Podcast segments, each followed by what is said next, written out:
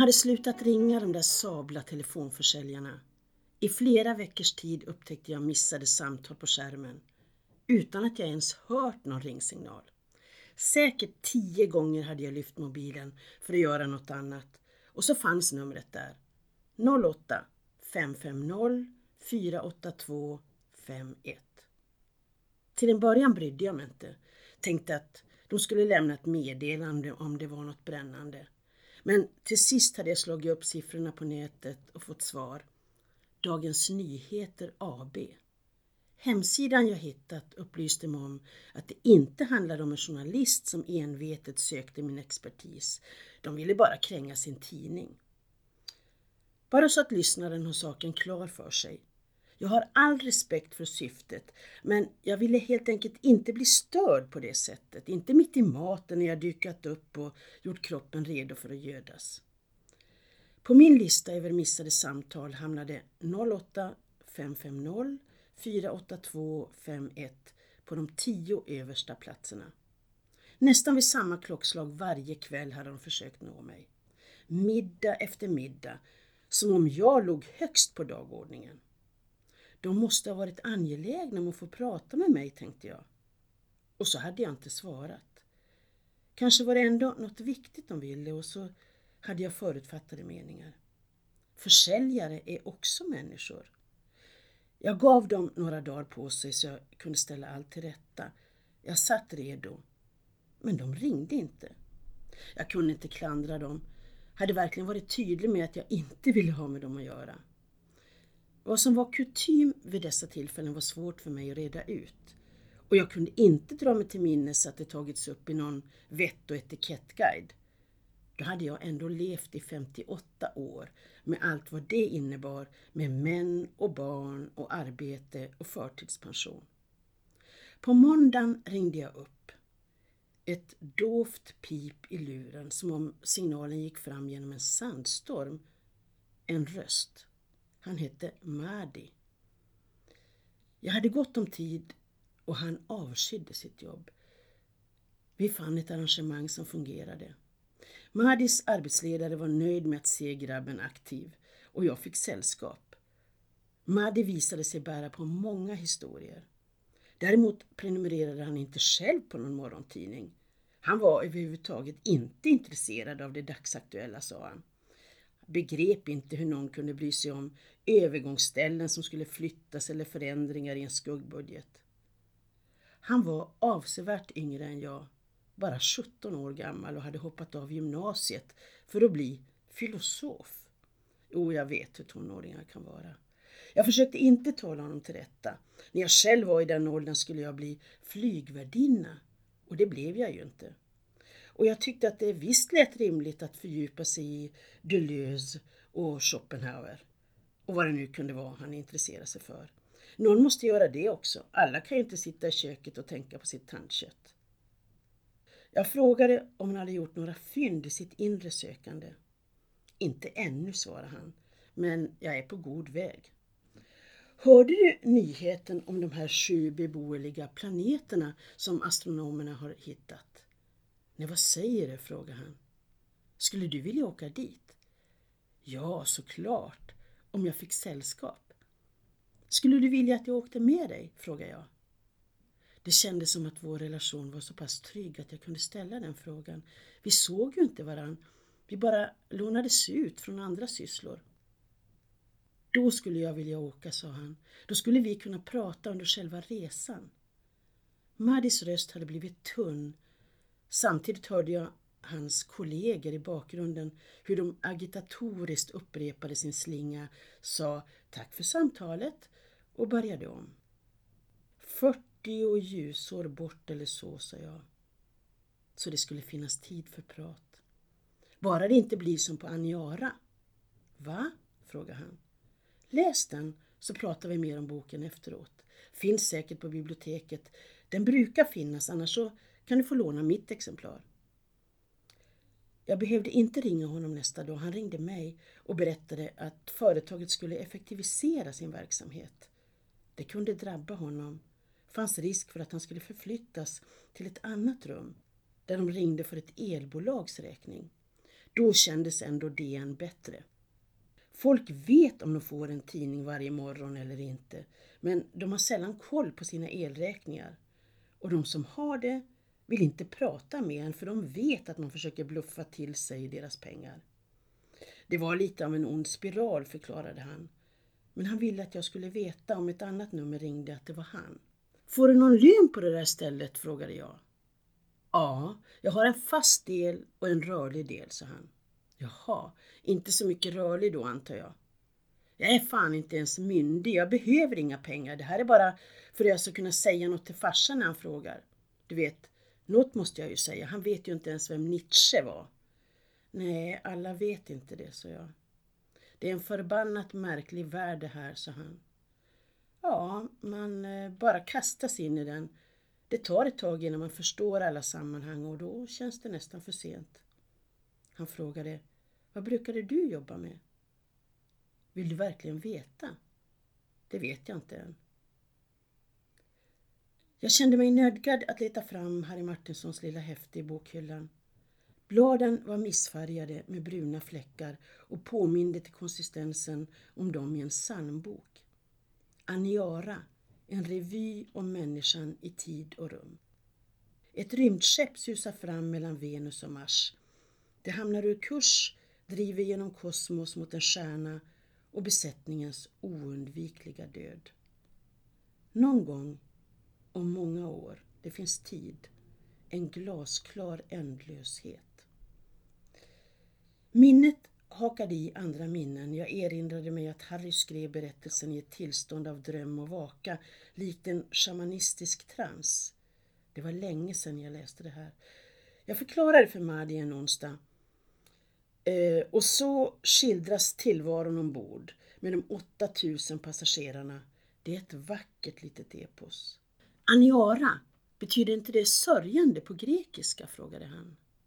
Det vet jag inte, så kan det vara. Intressant, sa Mahdi och försvann ett litet tag. Han kom tillbaka. Förlåt, vi fick instruktioner om en grej. Ska inte längre använda folks förnamn när vi ringer. Någon hade klagat på att det blev för intimt. Ja, det kan uppfattas som lite påträngande. Vi pratade om den där sagan. Jag ska till biblioteket nu i helgen. Då lånar jag hem boken och så diskuterar vi vidare. Har vi en deal? När han sa det där sista fick jag en obehaglig känsla. Det kom så naturligt. En rysning drog genom kroppen som ett spjut genom universum. Jag sa, det blir bra.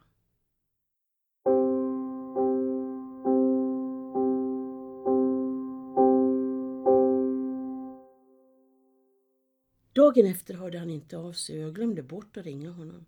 Jag skulle få gäster den kvällen men de avbokade sista stund och jag satt där med fyra tonfiskbiffar, åtminstone ostekta. Potatisgratängen i ugnen. Ja, men ibland blir barn sjuka helt enkelt. Det mesta här i världen är ju sånt som inte planerats, som bara blivit till genom en kombination av slump.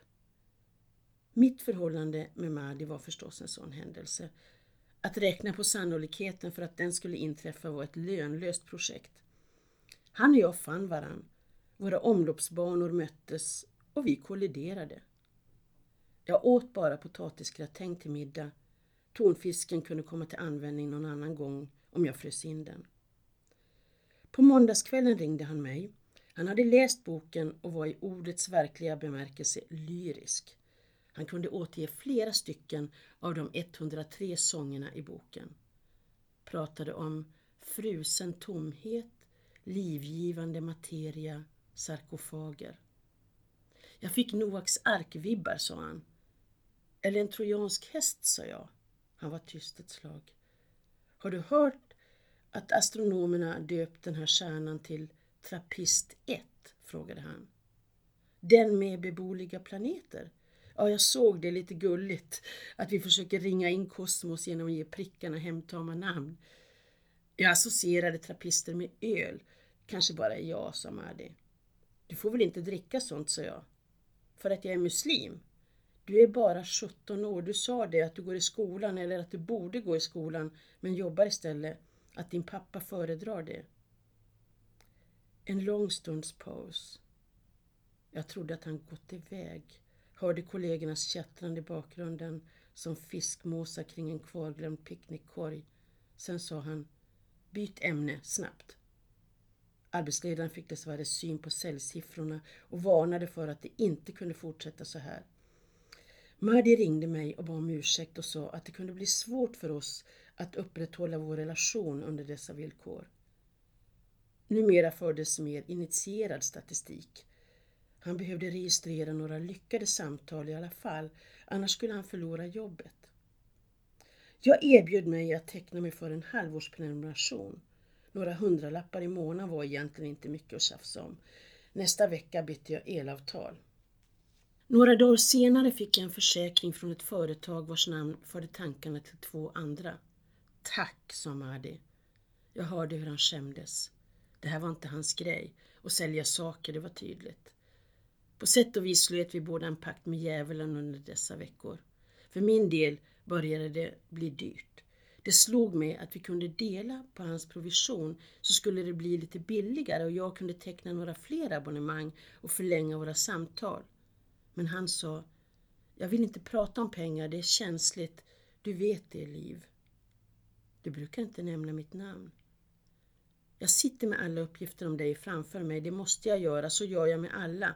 Om chefen passerar bakom mig måste han se att jag har rätt sidor uppe på skärmen, annars tror han att jag slösurfar. Håller du dig till manus? frågade jag. Nej, inte precis, men jag klickar mig fram i manus då och då, som om jag pratade om Tryggsam. Jaha. Ja, sa han. Vad pratar du med de andra om? frågade jag. De andra? De du ringer? Har du flera du brukar prata om rymden med? En tystnad igen. Ja, Liv. Ja. Jaha. Ni är några stycken, sa han. Hur många? Tio, femton kanske. Ni är viktiga för mig. Jag hade inte tänkt att jag var en del av ett större sällskap. Du måste förstå att det här kommer som en överraskning för mig, sa jag. Jag förstår det. Har alla börjat köpa grejer av dig nu? Ja. Har chefen vetat om det här hela tiden? Tyst igen. Nej, och ja, började han. Det är lite svårt att förklara. Olika människor behöver olika lösningar och jag kunde inte hålla på som de andra. Jag ville diskutera saker, inte kränga. Men till slut var du tvungen att kränga ändå. Ja, det var ett individualiserat upplägg som de kallar det. Anpassat efter mig och mina färdigheter. Vad är du duktig på? frågar jag. Jag kan se saker utifrån flera perspektiv. Du är empatisk. Ja, så kanske man kan säga. Jag ringde honom inte mer. Och han ringde inte mig heller. Något kom emellan oss. En giftig liten dos verklighet.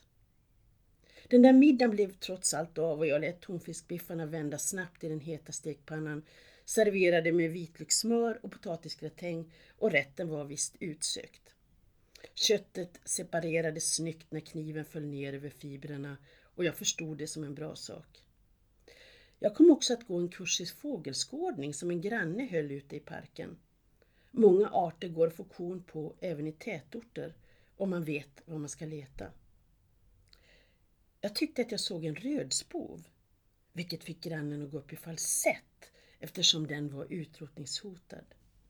Vi sökte noga i Artdatabanken efter bevis men jag hade nog sett fel. Antingen var det en myrspov eller möjligen en asiatisk beckasinsnäppa.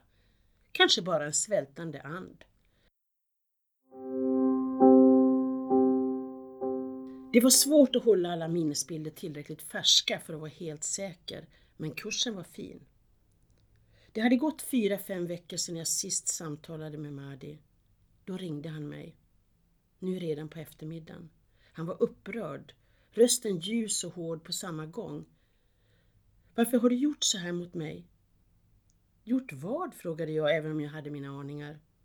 Du har sagt upp alla dina abonnemang. Trodde du inte att jag skulle märka? Nej, det hade jag faktiskt inte trott. Jag dröjde en aning med svaret. Sen sa jag, jag vill inte längre ha det där.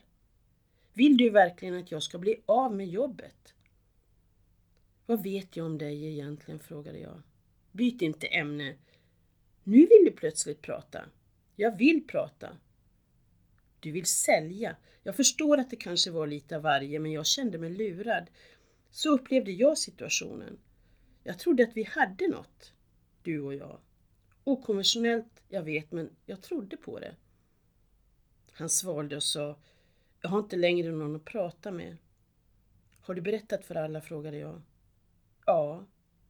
Varför då? Jag tyngdes av dåligt samvete.